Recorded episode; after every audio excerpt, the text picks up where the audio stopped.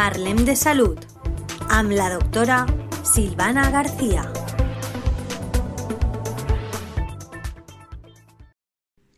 Buenas tardes, oyentes de la Tegua Radio, otro jueves más juntos. Y hoy traigo un motivo frecuente de preocupación para los padres, que en muchas ocasiones solo se traduce en un trastorno conductual que puede ser subsanado. ¿Y de qué vamos a hablar? Del fallo desmedro o el niño sano poco comedor. ¿Qué puntos básicos hay que conocer en la alimentación del lactante o del niño pequeño? El patrón rítmico del hambre varía de un niño a otro e incluso en un mismo niño a lo largo del tiempo. Debe respetarse el ritmo propio de cada niño y evitar los esquemas alimentarios rígidos. Hay que recordar que todos los niños no necesitan la misma cantidad de alimento, que estará condicionada por su constitución, la actividad física, el metabolismo basal, condiciones ambientales, estado de salud. La mayoría de los niños, por ejemplo, comen menos durante una enfermedad, cuando un lactante deja de succionar y se duerme habitualmente indica que está saciado y no se le debe seguir insistiendo. El apetito y gusto por determinados alimentos se desarrolla en el segundo semestre de vida, por lo que el niño de un año puede tener preferencias y aversiones alimentarias bien definidas, influenciadas por las costumbres familiares, generalmente. Aunque nutricionalmente es recomendable una adecuada diversificación alimentaria, esta puede conjugarse con un respeto en lo posible por sus gustos. Hay que evitar errores en la educación alimentaria como métodos de distracción, de persuasión, amenazas, chantaje, así como comer a la fuerza, a la carta o entre comidas. ¿Y qué consejos sobre el comportamiento frente a la comida podemos dar? Bueno, en principio el niño debe comer sentado en la mesa a ser posible con el resto de la familia, sin televisión ni otras medidas de distracción.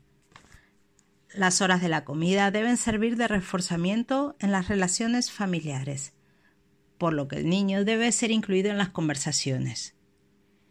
También tienen que haber normas razonables y adecuadas a la edad del niño, con aprendizaje progresivo de las mismas, como no tirar la comida, permanecer sentado, utilización de cubiertos, y nada, si presenta un incumplimiento reiterado, habrá que ver cómo podemos manejarlo.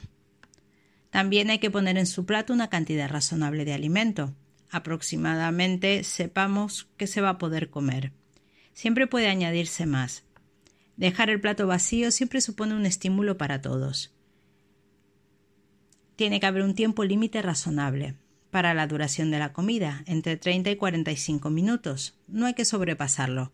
Lo ingerido transcurrido ese tiempo raramente compensará el esfuerzo empleado. Hay que intentar eliminar el picoteo entre comidas y no ofrecer a la carta. Como norma general, en el desayuno ofrecer alimentos propios del desayuno, procediendo igual en el resto de comidas. En caso de que el niño no acabara su comida porque la rechaza o porque excede el tiempo o por cualquier otro motivo, no se debería de ofrecer ningún otro alimento hasta la siguiente comida, que sería la adecuada. Es decir, si rechaza la merienda, se le dará la cena a la hora de cenar y al día siguiente ya se volverá a intentar la merienda. Siempre hay que intentar que la comida sea un motivo agradable. Hay que recordar que la comida no tiene que ser un momento de pelea, con lo cual si el comportamiento del niño no es el adecuado, muéstrele claramente que no le gusta su actitud, pero procure no reñirle ostentosamente ni amenazarle, sobre todo mientras estén comiendo. Los estímulos positivos siempre funcionan y un niño se siente más contenido si ofrecemos recompensa ante una buena actitud de él que si lo castigamos porque no lo realiza. Bueno, espero que les haya gustado, los invito a compartir, gracias siempre por estar. Hasta el próximo jueves, los saluda Silvana. Parlem de Salud amb la doctora Silvana García.